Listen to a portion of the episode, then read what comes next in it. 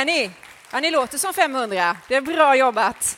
Hej och välkomna till Humorkunskap, den populärvetenskapliga podden som vi eh, spelar in idag. Det här är ett samarbete med Lunds universitet.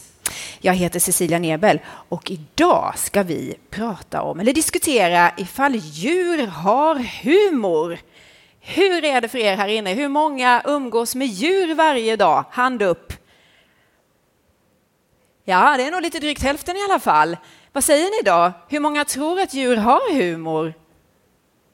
Ja, det var inte så många. Ni har inte så roliga djur. Hur många tycker att ni själva är ganska roliga? Ja, det tycker alla. Ja, det är bra. Det är kanske så att det krävs vissa koder för att man ska förstå humor. Och en svansviftning kan ju säga så mycket. Och en som vet mer om det här det är min sidekick som hjälper till att klippa ihop den här podden till lyssningsbart skick. Till vardags är han cyklande polis. Ge honom en varm applåd. Magnus Björn Bensen.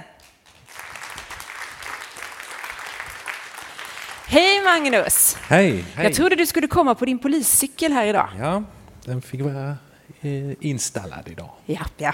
Du, du har ju en nära relation till djur, vet jag. Ni har Jajamän. polishundar på polisen. Ja, jajamän, och vi har ju polishästar. Ja, det har ni också, Ja, precis. Ja. Ja. Och poliskaniner brukar jag säga till förskolekidsen att vi har. Är det så?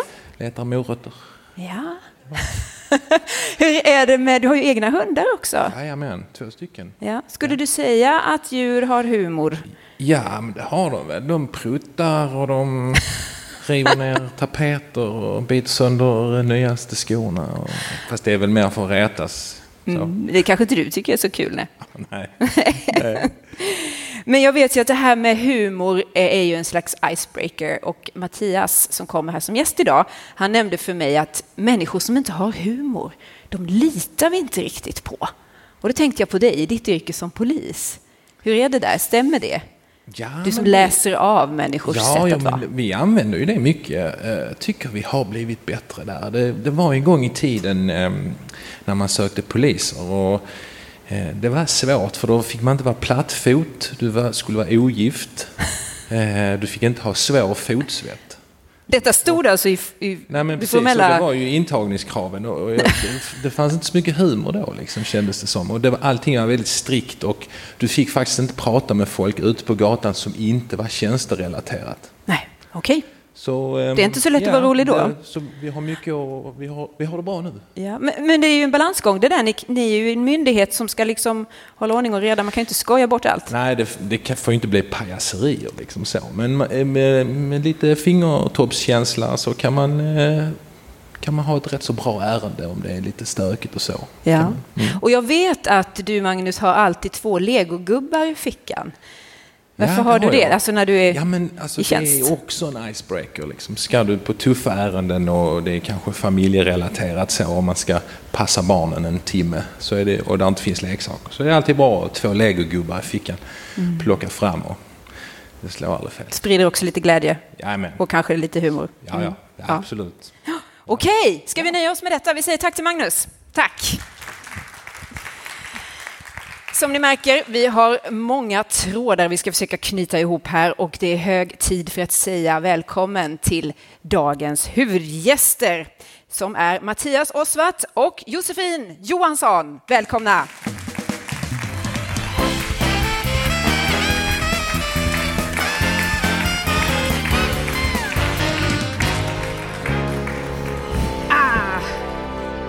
Så härligt att ha er på plats. Alltså jag, är, jag får fortfarande lite gåshud för jag har inte suttit på en scen sedan i mars.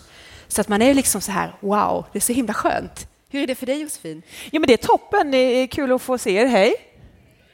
Kul, ni kom ändå hit. Det var bra gjort. Hej.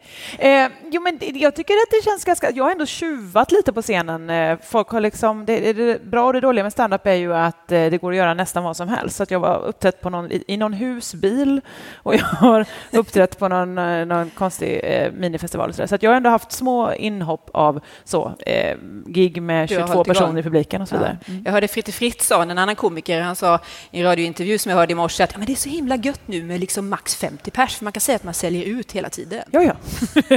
Varenda Det är gig är en- liksom lapp på luckan. En fördel. Det är så roligt att ha dig eller är båda här, men jag vill börja med dig Josefin. Du är Ja. komiker, författare, programledare för Smartare än en 50-klassare och artist. Och Jag vi hörde ju faktiskt din musik här. Ja, jag släpper en låt idag som heter Fine Like Bordeaux. Kommer ni lyssna på den? Bra. Eh, det, sa någon nej? Vem var det? nej, men jag eh, har börjat göra musik, eh, för det insåg jag att det var i alla fall en konstform man kunde ägna sig åt när, när allt annat stängde ner. Så att jag har jobbat med det rätt länge nu och eh, gör eurodisco för fulla muggar. Det är väldigt roligt. Eurodisco. Mm. Ni vet, 90-talet. Det är Då kul när de man med stora det. arenorna sen då. Sen ja. Eller själv, att jag står där. Du laddar för det. Ja, men det är härligt att ha dig här. Var kan man se dig på festivalen i övrigt? Eh, klockan 19.30 gör jag en liten eh, testföreställning ikväll. Jag tror tyvärr att den är slutsåld. Mm. Och imorgon gästar jag det här Bäste Visser. Eh, också här tror jag. Tyvärr också slutsåld. Så att, eh, som sagt, allt, allt är finito redan. Men det kanske streamas, en del gör ju det. Ja, vad kul! Ja, jag kan inte lova, man får kolla upp i programmet helt enkelt. Ehm, det är ju så här att du har ju också vunnit På spåret. Äsch! Tackar! Ja, precis. Tackar! Mm. Och du sa i en intervju att det där var ju lite som att dra ut i krig. ja, nej men det är många är så här, eh, Joar och du umgås ni och liksom vi måste lite grann umgås för att det är liksom någon slags posttraumatisk stress att bearbeta. Eh, för att... Eh, Johan var din partner i, i buren, att Exakt, säga. Joar Benjol och jag som har tävlat i tre år. Eh, för att det är verkligen eh, som att man är med om... eh, Ja, men jag vet, vårt första avsnitt någonsin som vi spelade in, då var, kom jag ut därifrån och då var det som att liksom, jag hade upplevt alla känslor. Det var eufori, det var lycka, förtvivlan, depression. Alltså det var som att ha varit med i en olycka och att liksom så, hur, någon måste hjälpa mig att ta igenom det här. Och då är det ju bara Joar som har upplevt samma sak, så att säga. Så att, så att vi har liksom krigsminnen ihop. Trauman. Ja. ja. Men det måste vara så sjukt nervöst, tänker jag. Ehm, ja, jag skulle säga att det är nervöst innan, men när man väl sitter i buren så alla säger så här, det är mycket enklare när vi är hemma i soffan. Jag bara, nej, faktiskt inte. Jag tycker det är mycket enklare där. Alltså, jag har nog aldrig varit så fokuserad på någonting i hela mitt liv som när jag sitter och bara stirrar in i en skärm Eh, och försöker förstå vart man är på väg. Så att ehm, eh, nervös, absolut, men mest fokus skulle jag säga. Kommer vi få se er igen? Eh, jag kan inte avslöja någonting om i år, men eh, visst hade det varit skönt att få vila lite, säger jag. Okej, vi får väl se helt Mhm. enkelt. Mattias Osvart, du är Sveriges enda docent i kognitiv zoologi. Vad gör en sådan? jobbar. Ja, ja. Eh, Jag studerar evolutionen av kognitionen. Det vill säga hur har tänkandet, enkelt uttryckt, uppstått? Och hur har det utvecklats och varför blev det till vad det är idag? Hur har tänkandet uppstått och hur har det blivit vad det är idag? Med utgångspunkt från djuren då? Just det. Ja, just det. Hur hade du klarat dig På spåret? Hemma i soffan så vinner jag alltid. Och, det, Och då om det är ännu enklare där dessutom. Ja, då, precis, så, jag vet inte. Nej. Nej. men där brukar du i alla fall Fast jag liksom brukar ha checka i. whisky då. Vad sa du? Jag brukar ha lite whisky då Ja, ja, ja, det underlättar kanske, i. Men Mattias, när insåg du att djurs beteenden är mer spännande än människors? För jag vet, du började ju med att studera människor. Alltså människor är ju djur. Men eh, det är inte beteende heller jag studerar. Men jag, eh, jag började med att studera människans evolution. Och när man studerar människans evolution då måste man alltid studera människoapor. Och de är ju ganska intressanta men de är så lika oss. Så efter ett tag blir det lite trist. Och så börjar man ju träffa andra kollegor som håller på med andra djur. Så tänker man oj, vi, det finns flera djur som kan en hel del och då blir det betydligt mer intressant. Vad pratar vi då om för slags djur? Vad, vad träffade du Det på som för? är mest eh, konstigt kanske är ju att fåglar, eh, för det första alla fåglar är ungefär lika smarta som alla däggdjur. Och de smartaste fåglarna är lika smarta som de smartaste däggdjuren och har samma komponenter och allting. Och det kanske man tycker, ja men ja vadå då? Men vi delar en förfader med fåglarna för 320 miljoner år sedan. Och den förfadern kunde nog inte ens finta en padda. Alltså den var inte jätteklipsk. Nej. Och ur den förfadern har vi sen utvecklat de här två linjerna som var för sig har skapat så oerhört likartat tänkande. Och då bör man tänka, okej, så om tänkandet uppstår i universum någon annanstans, finns det då vissa principer som det måste följa? Så det är lite sånt vi letar efter. Och 320 miljoner år, det är jättelång tid. Det Ja. fattar man inte. Men Oändligt. skulle folk sitta här och räkna baklänges en sekund motsvarar ett år 2020, 2019 så skulle ni sitta här i tio år och flera månader dygnet runt och bara räkna. Ja. Så det är Det hinner inte jag. Nej, precis. Vi har 45 minuter på oss, Ja. vi ska förklara allt detta. Men vi ska faktiskt förflytta oss tillbaka i tiden, för att den som har följt dig, Mattias, vet att du har ägnat dig mycket åt kråkfåglar, människoapor, men nu handlar det mest om dinosaurier. Eller? Jo, men nu ska vi inte glömma fåglar är dinosaurier. Så de dog aldrig ut. Det där ska vi Ehm, hålla i minnet. Kan Intressant. Du, ja, och kan du förklara det lite mer? Ja, alltså skälet till att det blir dinosaurier nu, det är just av det som jag sa innan. Fåglar, däggdjur, jättelika. För att förstå då, hur, har det här, eh, hur kan vi blivit så lika så måste man gå bakåt i tiden på varje linje. Och fåglar vet vi idag, eller har vi vetat ganska länge, är de sista överlevande dinosaurierna.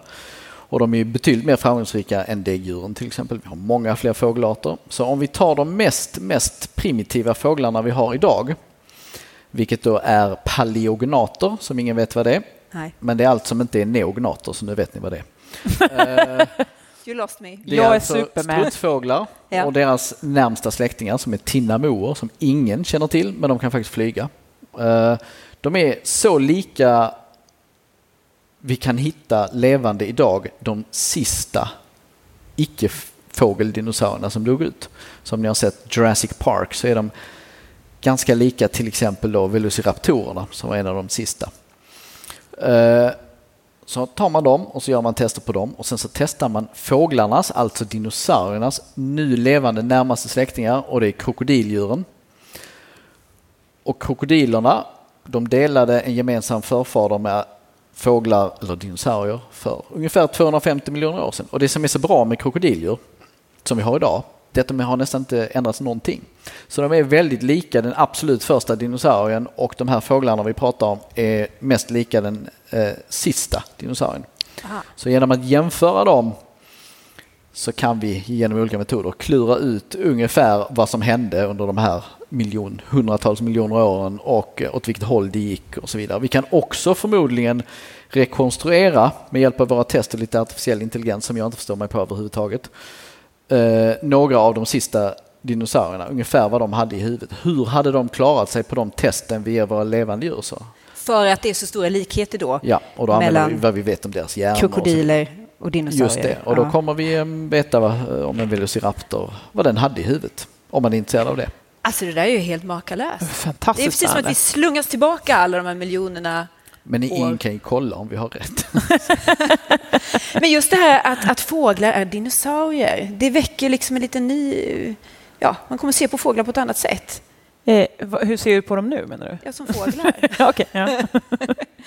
Men alltså det här med smarthet då, det är ju lätt att man hamnar där när man pratar om hur, hur djur har överlevt och tagit sig fram och så. Får du ofta frågor om ja, vilket är det smartaste djuret egentligen? Ja, och jag tycker väldigt illa om ordet smart, men det finns inget annat. Alltså, det tar en timme att förklara vad det kanske betyder. Mm. Så därför så får vi använda smart. Men det får jag väldigt ofta, den frågan. Eh, och det kan jag nästan aldrig svara på.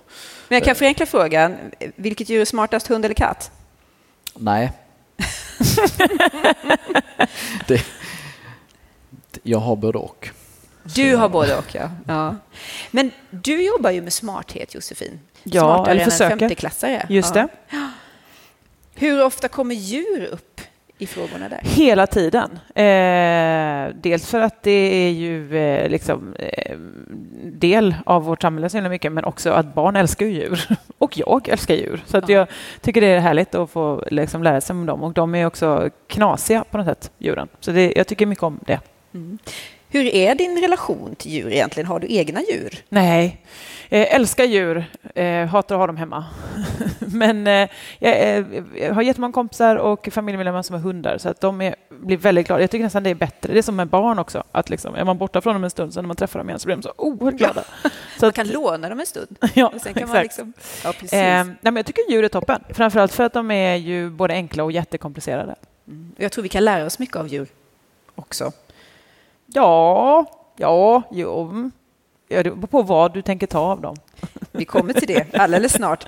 För ett, ett djur som jag tycker är extremt intressant och lite läskigt också, det är ju det du redan varit inne på Mattias, det är krokodilerna. Och jag vet att ni har ett krokodilhägn på hemlig ort i Skåne. jag lovar att inte avslöja var. Mm. Men hur som helst, det här ska flytta till Ystad, Ystads djurpark. Varför har ni det här krokodilhägnet och vad gör ni med de här krokodilerna? Eh, det är alligatorer som vi studerar eh, och vi gör samma sak med dem som med fåglarna. Det vill säga vi utför olika, de får olika eh, problem att lösa så att vi kan se hur de till exempel förstår sig på det man inte ser. Alltså, finns det kvar om det försvinner? Ta ett konkret exempel med en krokodil. Hur gör ni då? Finns min hand nu om jag tar bak den? Det, det tror du att den gör. Ja, du kan ju inte fråga den, men hur? Nej, men du sätter ju liksom mat till exempel bakom och, då, och så sätter du ut flera olika barriärer och så om den vet att det, du satte den där så, så går den ju dit. Så det kallas för objektspermanent, så det kan man ju alltid testa på sina små barn. Det är egentligen därifrån det kommer, utvecklingspsykologin. Man tittar på hur barn utvecklar sin kognition. Från, eh, så det är en, en typ av test också, det här hur eh, du kan inhibera din motorik, alltså vilken typ av impulskontroll du har. Sådana saker kan man också mäta genom att sätta en bit mat bakom eh, en bit plexiglas eller ett, en bit nät och så ser man om och djuret förstår ju såklart att den kan inte gå igenom så men gör, försöker den ändå göra det och hur många gånger gör den det eller går den runt för att ta maten? Och så det, det är ett helt batteri med mängder av tester som vi kör. Men det är också vardagsproblem så, hur löser du livspusslet? Precis. När ska du hämta och lämna? kan de sånt då? En alligator bara lägger sig ner och med öppen mun och stirrar i ett dygn. Just det, för de inte orkar mer. Jag förstår inte hur jag ska hinna besiktiga bilen. Ja. Det finns mycket att lära av djuren. Ja, ja absolut. Mm. Men det där är ju superintressant. Ehm, det här att, att jobba med krokodiler, är det credit i er bransch? Jag vet inte. Alltså folk i min bransch jobbar med alla möjliga konstiga djur. Och farliga och ofarliga och sådär. Så att jag vet inte. Det är ingen som har sagt något sådär. Men Nej. Eh, jag vet ju att eh, han som jobbar med dem, han, han tycker det är det häftigaste som finns i världen. Men han har jobbat med dem i tio år snart. Så han vill ju hemskt gärna ha ett R också. Han vill ha något att visa upp? Ja, men han okay. har aldrig lyckats. Så han Nej. är väl bra på det han gör. Ja, ja, det är bra. För det var lite lustigt, för när vi satt och gjorde researchintervju, du och jag, så ringde det plötsligt i din telefon. Och så tog du upp den och så sa jag måste ta det här samtalet för att det är min doktorand. Den kan, den kan ha blivit biten. Jo, det kan så, så kan det är inte helt riskfritt. Ja, Men din kollega där, han lyckades ändå få ett ärr vet jag. Jo, han är ju pälsdjursallergiker så att han vet ju inte hur djur med päls fungerar. Han har ju vuxit upp med grodor och ormar och sånt. Så någon gång så gick vi in till en, en vildkatt, en sån här fiskarkatt. Och han kunde inte läsa den överhuvudtaget. Eh, så höll han på att klappa den och då fick han ett rejält bett. Så det är det enda djurärret han har. Jag tror du måste testa hans kognitiva kunskaper. kan ja. Men han får, han får låta bli säga det, då har han ju ändå något att visa upp. Ja, nej, han skäms ja. över det.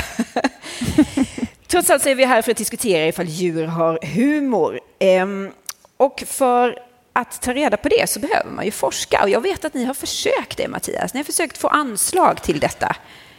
Ja, alltså, men nu är det så att Vetenskapsrådet sitter uppe i Stockholm. Så de är väldigt allvarliga eller, eller dålig humor, så vi fick inga pengar. Eh, men det är ju det här att var, humor är jättekonstigt. Var kommer Ursäkta? det ifrån? Det är kul, men det är konstigt. Alltså, det finns teorier om vad humor är. Mm. Eh, och då vill man ju, alltså kognitiva teorier om hur, hur huvudet är inrättat. Och då vill man ju ta reda på, ja men hur tidigt uppstår det? Eller finns det förformer av humor? Och vem har det bland djuren? Någon typ av form? För vad har de i huvudet? Och då kan man ju ta reda på vad är humor, hur uppstår det, kan humor uppstå flera gånger i evolutionen? Det vill säga finns humor i universum? Mm. En sån fråga tycker jag är kul, men det tycker inte Vetenskapsrådet. Så vi... För vad svarade de när ni skickade in den här ansökan? Uh, de är ju faktiskt lite tragikomiska för de sa att ja, men vi vet ju ingenting huruvida djur har humor eller inte så därför så får ni inga pengar. Nej, det känns ju som att det var liksom ett utfall av dålig humor kanske från, från Vetenskapsrådet. Men jag tänker vi ska hjälpa dem lite på, på traven här, för att om de nu behöver veta lite mer för att kunna ge anslag till detta så ska de få lite ledtrådar här. Jag tänker först måste vi ju börja med, precis i den änden där du är, vad det är egentligen humor? Och vad är det bättre än att fråga en komiker om detta? Mm. Så Josefin, uh -huh. vad tänker du egentligen? Är humor samma sak som lek? Vi vet att djuren leker. Mm, ja, alltså, jag skulle säga, när jag jobbar med humor så skulle jag nog säga att den gemensamma nämnaren med det mesta gör är att det handlar om överraskning, att man ska överraska hjärnan. Att eh, huvudet är superbra på att se mönster, att liksom ser man en etta och det kommer en tvåa, då vet hjärnan ungefär vad som ska komma och då gäller det att drämma till med någonting annat och liksom göra en, en papegoja eller någonting och då helt plötsligt så blir hjärnan lurad och så skrattar man till. det var inte alls det jag tänkte skulle komma där. Eh, så skulle jag nog ändå säga att eh, humor är någon slags eh, ja, så är humor uppbyggt eh, och så vidare. Sen så finns det såklart massa olika sorter och eh, alla tycker inte om allt. Eh, och det tycker och smak och sådär. Men ehm, men jag tycker humor handlar också mycket om förväntningar. För om jag går in och ställer mig på scenen, då är det liksom ingen som skrattar, för det är ingen som förväntar sig. Men om du går in, eller Johan Glans eller någon annan, så behöver man bara sätta in skorna, så är det liksom redan Ja, alltså lite dubbelt, för det är ju också eh, just när man inte förväntar sig att det ska bli kul och om någon säger något kul. Alltså om du då är, är fantastiskt kul plötsligt så blir ju alla så nej men hon var ju kul. Var men alltså, om jag då kanske liksom säger nu, nu ska jag göra ståuppkomik, då tänker alla nu måste det vara roligt och inte varenda ord jag säger då lite skrattretande så blir ju folk besvikna också. Så att det är ju just humorformen stand-up är ju pissdålig på det sättet att alla säger så, nu ska det bli kul, Ja, får vi se om det blir det då. Eh, så att jag tror att det handlar väl också om någon slags sammanhang och eh, återigen överraskande. Om det var kul eh, och jag inte trodde det så, blev, så blir jag glad ändå. Och jag vet ju som komiker där så har man ju så många beslut att fatta hela tiden. Det händer saker som man kanske måste agera på. Ja, alltså jag eh, brukar säga liksom att om jag ska gå ut på scenen så handlar min uppgift om att lösa mysteriet. Hur ska jag få alla så avslappnade som möjligt i rummet så att alla skrattar. För att är man avslappnad då är liksom 80 procent av jobbet gjort för då är man liksom mycket lättare. Då kan man liksom bara peta lite på folk så kluckar de sådär. Men är man liksom spänd eller stressad eller på något sätt så är det svårare att ha kul och är det lite kallt eller det är mörkt eller jag inte hör och så vidare. Um, eller och, man är lite få kanske? Ja, lite man få. Eller man, inte, man tänker att nu kommer, jag skrattar jag nu så kommer alla höra det och då vågar man inte det. Men är man många fler, ja då så kanske det är lättare att, att, att skrocka liksom och sådär. Eh, och då är det ju liksom min uppgift att dels då förstå vad är det för människor som är i lokalen, hur får jag dem att skratta? Men också då hela tiden lägga märke till att om det händer någonting, om någon hostar, hur många hörde det? Stöder det några? Eh, måste jag kommentera det? Men det innebär ju att hälften av gruppen kanske inte hörde det. Då måste jag berätta för dem, nu var det en som hostade, är det kul? Eh, ta beslutet, ska jag gå vidare bara? Jag låter det vara. Eller ska jag försöka poängtera kolla, hosta och prata jättelänge om det, kommer det att hänga ut en människa? Alla de här besluten går ju genom hela tiden samtidigt som man då står och drar skämt om två tomater som ut och gick. Så att det är ja, hela tiden att ja, avgöra eh, vad ska jag göra i den här situationen. Men kan man då dra slutsatsen att humor någonstans handlar om att vara kvicktänkt? Alltså smart i någon mening då, även om vi inte gillar det ordet. Alltså att snabbt kunna plocka poäng, twista och ändra? Ja, jag skulle säga att, man, att det, det handlar om att eh, kunna ta snabba beslut. och sen om det är huruvida man är kvick eller, eller bara eh, en bulldozer, det kan ja. jag inte säga. Nej, humor och intelligens. Mm. Ja. Och du var inne på det själv, vi har också olika slags humor, till exempel slapstick-humor som kanske är den allra äldsta. Någon ramlar, vi mm. skrattar. Mm. Eh, och det där tänker jag, kan man översätta det till djurriket? Eh, finns det djur som gör saker för att framkalla en, en reaktion hos ett annat djur? Eh, jag skulle säga ja, men detta är ju inte beforskat. Nej, det, det är bara vi. jag som har sett sånt. Nej, det är många som har sett. Men äh, människoapor, korpar ägnar sig åt det vi skulle kunna kalla för att retas, vilket nog är en av de första typerna av att, för det första är det en, alltså humor, lek är inte humor, men humor är en form av social lek. Och många djur leker jättemycket och de här leker jättemycket. Men just det här med att retas, att jag, du vet att det här inte är på allvar och jag gör det inte för att det är allvar, men det är väldigt roligt att se din reaktion. Ah. Eller pff, lite som jag har, det finns en schimpanshanne som var då dominant över sin grupp som jag har jobbat med ganska mycket. Så förr i världen ville han alltid ha dragkamp med mig. Uh, och lite manligt fåfängt så väljer han inte vem som helst. Han väljer inte kvinnor, han väljer inte liksom här veklingar och sånt här med klena män utan så hämtar han ett rep och så kör han ut och så har man dragkamp. Och så förlorar man ju till sist. Och då brukar han skratta, alltså schimpanser skrattar ju. Så han asgarvar och sen så är de ganska akrobatiska så han liksom gungar fram, slår sig på knäna. Vad skön han låter. Och det är liksom, Supertrevlig kille. Ja, och då får man en, man liksom connectar direkt. Man tänker liksom apjävel, jag, alltså, jag tar dig i bröstsim och IQ-test. Och liksom, lite tänk- ja, men det tänker man ju inte kanske med när en hund gör någonting. Och sådär. Men du, vad handlar då det om? Den här hannen då som vill han visa sig cool för, sina, för sin grupp eller vad går det Ingen ut har, på? alltså det där är nog mest situationskomik. Alltså jag flyger in i gallret och det är jätteroligt. Men en gång så förlorar jag, eller han tappar greppet. Och då var det inte lika roligt längre. Då Nej. Då rullade han baklänges och sen rusade han fram och, blåste upp sig och visade sig dominant. Jag kan slita av ditt ansikte och så vidare. Men, Återigen, vad skön han verkar. så, eh, jag vet inte, men sen så till exempel korpar, de, de älskar ju att stjäla saker från, eller om du kommer in så kan de, om du har glasögon så tar de dem. Har du tagit ut din plånbok eller telefon så snor de dem och så flyger de iväg fem meter upp. Och då är ju de struntar i föremålet. De, de fortsätter ju med det när du, eftersom du jagar dem och stultar runt. Du kan inte flyga. De, de tycker att det är jättekul. Och det är liksom inte på allvar. Ah. Men så tricket är att du ska bara strunta i dem.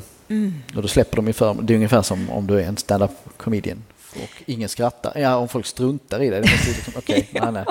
Det Men det är ju intressant, då är det alltså reaktionen som djuret är mer ute efter. Ja, och det är en social reaktion såklart. Mm. Alltså. Ja, just det. Och så är ju människor vi skämtar ju inte med, med föremål. Det är ett ett föremål Ja, sällan, det jo, jo, om du kanske har vissa diagnoser, men alltså. men, det är ju Men du menar att man går inte och skojar med ett bord för att liksom, det, det, det är ba- bara konstigt? Ja, och den har ju, bordet har ju ingenting i huvudet som kan liksom bli överraskat eller avvika från någonting. Att Det är bara ett föremål, utan humorn är ju någonting som är en social grej. Ja. Men har man kunnat se då hos, hos vissa djur att man använder sig av humor eller humor för att imponera kanske på det motsatta könet eller få vissa fördelar i gruppen eller har det någon sån betydelse? Det har man ju väl sett hos människor som också djur. Men andra, andra djur är högst tveksamt. Vi fick ju aldrig de där pengarna så det är ingen som vet. Åh, Ja, det är ju... supertråkigt. Ja, men, men om man är komiker, har man fördelar då? Får man ligga med då? Jo, jag tackar. Eh, eh, ja, alltså, mm, jag tror att eh, eh, är man komiker, alltså, det finns, alla komiker är inte likadana. Det finns ju de som är kul på scen och så finns det de som också är kul eh, vid sidan av. Eh, och jag tror att det handlar väl eh, om kanske det då, att man liksom kan föra sig i ett socialt sammanhang. Då kanske man får ligga. Jag vet kanske inte. man har lite större Ja. fördelar. Ja, men såklart, det är ju eh, jättemånga töntar som har blivit komiker, alltså myself included, för att eh, det var det sättet man kunde få liksom, ha någon form av social status i, i uppväxten och så vidare. Eh, och eh, då innebär ju att helt plötsligt har vi ju en hel del random eh, människor som har helt plötsligt blivit rockstjärnestatus. Alltså Johan Glans är ju inte den klassiska så, oj vilken tuff kille, liksom. Han är Nej. en liten, liten mes. Men, en men toppen, alltså, en av våra Men bästa vi väldigt har. framgångsrik komiker får Ja, man säga. verkligen. Och vi gillar ju honom, eller hur? Ja, Vi precis. Johan Glans. Ja. Ja. Men om vi ändå ska översätta det till djurriket. Du säger man har inte kunnat se att den typen av social interaktion ger, ger vissa fördelar i gruppen gentemot varandra. Eh, nej. För man vet ju inte om djur har humor egentligen, så att det, det är det som är problemet. Men eh, klart att lek och så här eh, som kanske möjligtvis innehåller en typ av ret, att rättas med varandra, vilket man kan se, det är ju eh, på något sätt en, ett socialt smörjmedel att eh, fast jag kanske är dominant så kan jag skoja lite med dig och då är det inte så farligt och så vidare. Eh, Men det här är ju högst ovetenskapligt. Ja, men Men alltså, är, det, är det inte lite för att roa sig själv? Alltså, jag menar, apropå när du pratar om att skoja med ett bord. Alltså, jag går ju runt hemma och kan göra något skojigt, tramsigt och skratta högt själv åt min egen dumhet. Alltså, det är inget sånt när man, när de håller på så och har dragkamp och så kluckar själv bara. Det har jag aldrig sett. Nej. Eh, faktiskt. Men eh, faktum är att man tror att grunden till humor, den är ju inte alls social. Utan det är den här känslan, som där du pratar om överraskning, känslan du får om någonting inte stämmer i huvudet. Alltså att någon, någonting, dina trosföreställningar krockar för du tänker något korkat. Eller det, det är liksom, du behöver inte ens tänka utan det är någonting som slirar i skallen. Och då blir det, när det upptäcks så blir det en typ av positiv känsla. Så det är liksom en sån här kognitiv städgumma som springer runt i huvudet och sorterar så att vi inte gör superdumma misstag. Det är det man tror att så började humorn, fast då var det inte humor. Och sen har vi människor liksom kommit på att det här är ju positiv upplevelse. För om det hade varit negativ, då hade vi inte sysslat med det för det är bara jobbigt. För, för vi tycker inte om negativa, eller inga hjärnor tycker om negativa saker. Så då måste det vara positivt så vi hittar alla de här felen.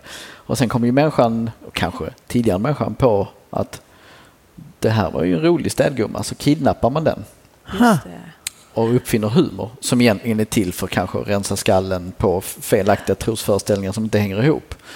Så, eh, och sen har vi då gjort det till en industri och vissa kan leva på då. Att, att göra. Så hade vi inte fått de där dopaminkickarna, det där positiva, då hade vi inte fortsatt med det. Nej, nej. nej precis. Och då hade jag inte haft något jobb. Nej. nej. Sant. Det hade, varit tufft Det hade varit hemskt och skittråkigt att upptäcka att saker och ting i huvudet inte stämmer. Uh -huh. Så, ja. Det är inte stand-up tragedy. Liksom, ja. men, men Mattias, om man då tänker olika djur som möts och leker med varandra, eh, och det är samma då med människor. Eh, alltså, kan man mötas, kan olika arter ha kul med varandra? Och hur gör man i så fall för att tala om, om en hund ska leka med en katt, hur talar den hunden om att jag tänker inte äta upp det, jag vill bara leka? Mm, det, är, det är faktiskt något som man har studerat, eller till och med jag har studerat, lek. Eh, Exakt hur man gör det vet vi, men vi vet alla efter att ha lärt känna en djurart ett litet tag när det inte är allvar. När det är lek. Vi ser det direkt, men ingen vet exakt hur vi gör för att fatta det. Och likadant tycks det vara mellan djur. Liksom brunbjörnar kan leka med människor och fåglar kan leka med katter om de känner varandra. Eh, så att det, är någon, det är någonting jättegammalt förmodligen. De här, den här signalen det är ju förmodligen att beteendet ser ju eh, inte ut, det ser inte seriöst ut. Det är någonting som avviker. Kan du ge något exempel? Ja, vissa djur har ju tydliga signaler som hundar som böjer sig ner och bockar. Då ser du direkt. Och, men det är ju det här överdrivna beteendet. Så att du, du gör massa överdrivna saker som, som saknar funktion. Det är mm. liksom, vadå då, flamsa runt. Det gör du ju inte för det har ingen poäng. Så det är lite så, så. Men då måste man ju känna till hur arten ser ut i normalfallet. Precis. Så det är, det är förmodligen det som gör det så att det är väldigt vanligt att många djurarter leker med varandra, till och med i det vilda som babianer och babianungar och babian eh, och schimpansungar till exempel. De vuxna slår ihjäl varandra. Men eh, så, sånt händer ju förmodligen överallt i naturen hela tiden. Men det är inte för att de vuxna inte fattar skämten då? Nej, nej, de blir tråkiga. Åh, du är så tråkig, jag ska döda dig. Ja. Men det där måste gå att översätta till människor också. Jag tänker som komiker där att möta olika arter. Om du reser runt i Sverige till exempel vad menar du nu? Att folk ja, norröver ska vara en annan art? Ja, ja, ja, kanske, möjligen. Jag vet inte. men är det på olika sätt? Att publik är olika på olika ställen? Ja, inte geografiskt. Det är mer eh, kanske vad folk jobbar med eller okay. eh, hur mycket de har druckit och så vidare. Då är de väl, har de flyttat sig till en annan art, så att säga. Eh, men eh, Nej, men jag tycker det är spännande det du pratar om, för det borde innebära att alla människor som också är djur heller inte eller om, man, om alla kan förstå när det är på allvar, inte, men alla kan ju inte det. Alla fattar ju inte skämt. Nej. Det var intressant. Är det för att man är lite närmre apa då? Att inte fatta ett skämt. Ja, då kommer vi till nästa steg. Så, det, så de här trosföreställningarna du har i huvudet som måste hänga ihop. Eh, när du använder humor så måste du dela ungefär samma referensramar med de andra. Eller i alla fall måste du fatta deras referensramar så du kan skämta med det. Mm. Sen så finns det ju referensramar som alla människor i hela världen fattar. Slapstick och sånt där. Eh, sen finns det ju då som är väldigt specifika för eh, ett yrke eller annars blir det inte kul. Så att ibland när folk inte fattar skämt så antingen så har de inte alla hästar hemma så att, så att de har liksom en, en fungerande huvud med trosföreställningar och sånt. Så har de inte funktionen så då fattar de inte humor. Eller så är det bara fel referensramar. Mm. Mm. Så då fatt, den apan hade bara fel referens den dagen? På. Jag så visste inte man, att det var dragkamp skulle vara kul. Ja, ja, ja. Jag förstår. Eh, ja. Fick du svar på din fråga från mig förresten? Nej, jag fick nog inte det riktigt. Om du tycker att det finns olika människoarter som man roar på olika sätt. Jaha, ja. Mm. Ja, det finns det ju. Men som sagt, det handlar lite också om så, vilken tid på dagen är det? Eh, då är man kanske, då är människan på ett annat slags humör. Än, alltså det är svårt att kanske dra supermycket fräckisar klockan 9.30. Eh, eh, det är också kanske, man får inte dra för allt avancerade skämt om folk har liksom druckit eller det är väldigt sent och så vidare. Eh, vi pratade om det innan, beroende på hur stor publiken är. Så, eh, ja, men är de väldigt få så kanske man måste ha lite högre nivå, det vill säga för att ni är här så måste vi vara lite högre.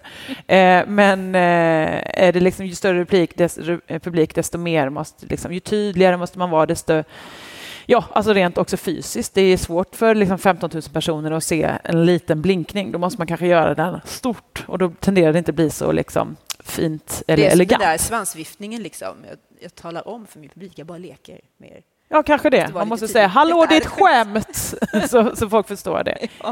Eh, men det kanske inte hade varit så kul om det bara var vi tre i publiken. Jag tänkte vi skulle försöka sammanfatta lite grann detta yviga samtal kring djur och humor.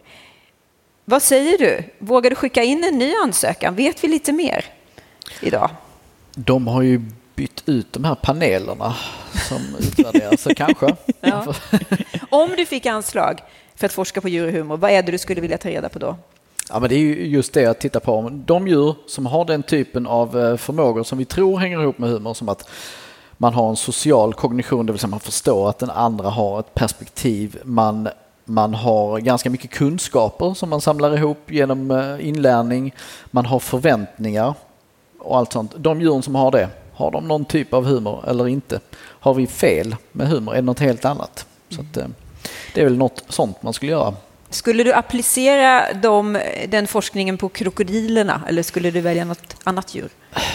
Alltså, min kollega som jobbar med dem, han är ju helt övertygad om att de har humor, men han är ju schweizare. Och, men de ligger ju alltid med öppen mun i alla fall. Ja, men, men har schweizare humor? Det är ja, frågan. Precis. Ja. Så, eh, ja, nej, eh, de gråter ju. Eller det gör faktiskt inte alligatorer. Men jag tror inte de har det. Nej. Vilket djur skulle du helst vilja jobba med för att forska ja, Först måste man ju titta på människoapor, kråkfåglar, kanske papegojor och vissa andra djur. Alltså, se, vad har ni i huvudet? Vad har ni för humor? Har ni humor? Mm. Man kunde ju börja med människor också i och för sig. Precis, man kan börja här på humorfestivalen. En sista fråga. Vi vet att dinosaurier, eller att fåglarna är dinosaurier. Vågar vi tro att dinosaurierna hade humor? Ja, korpar tycks ju ha lite av det. Så kanske Men... vi kan slå fast att det finns spår av humor ända tillbaka till... Och det till... betyder att humor har uppstått mer än en gång i evolutionen. Oj! I så fall. Eftersom det har överlevt. Och hittar vi intelligent liv i universum så kanske det har humor. Mm. Men hur ska vi kolla det om du inte får några anslag? Precis. Oh. Det är därför vi är här idag. Hur många tycker att vi ska få anslag från Vetenskapsrådet för att forska kring djur och humor? Hand upp! Jag. Det är 100 procent för. Det Bra. skickar vi med oss och det får bli slutordet. Tack så mycket Mattias Osvart och Josefin Johansson. Tack! Tack så mycket.